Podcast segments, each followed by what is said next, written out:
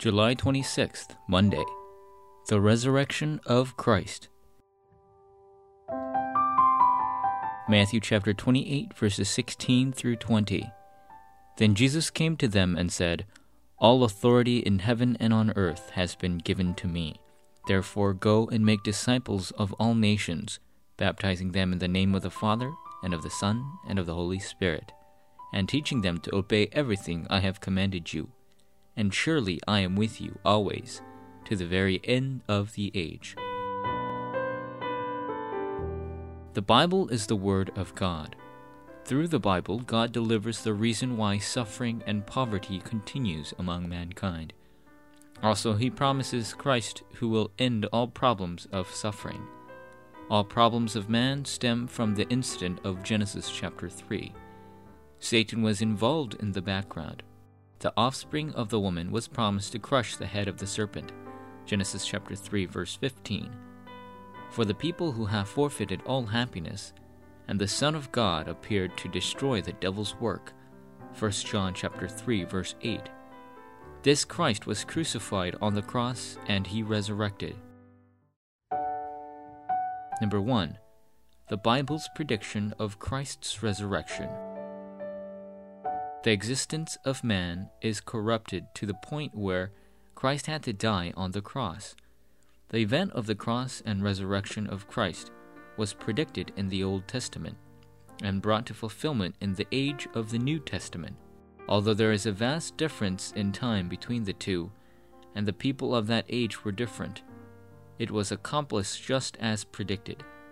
Christ died and resurrected according to the Bible 1 Corinthians chapter 15 verses 3 through 4. Number 2, the historical fact of the resurrection of Christ. The event of Christ and the cross is a historical fact that took place during the rule of the Roman governor Pontius Pilate. Although the soldiers persistently guarded the tomb for three days, on the third day a ray of light appeared and the door, stone, moved as Christ, who had died, rose again. There are historical records to prove this fact. First is the imposition theory. This theory states that someone had stolen the corpse of Christ, which had lain in the tomb. Second, it is the vision theory that states that the soldiers had mistaken someone else for Jesus. And the other is the swoon theory, which is a hypothesis stating that Jesus had rather fainted instead of dying upon the cross. These three hypotheses are sure evidences that Jesus had indeed resurrected. Number 3. The evidence of resurrecting as the Savior Lord. The resurrection of Christ is the only event that eradicates the forces of darkness. Although the disciples were unable to fathom its truth, Jesus had met with them himself. Paul knew the sure reason why Christ had to die upon the cross and why he had to resurrect, and he testified as such. Acts chapter 17 verse 3.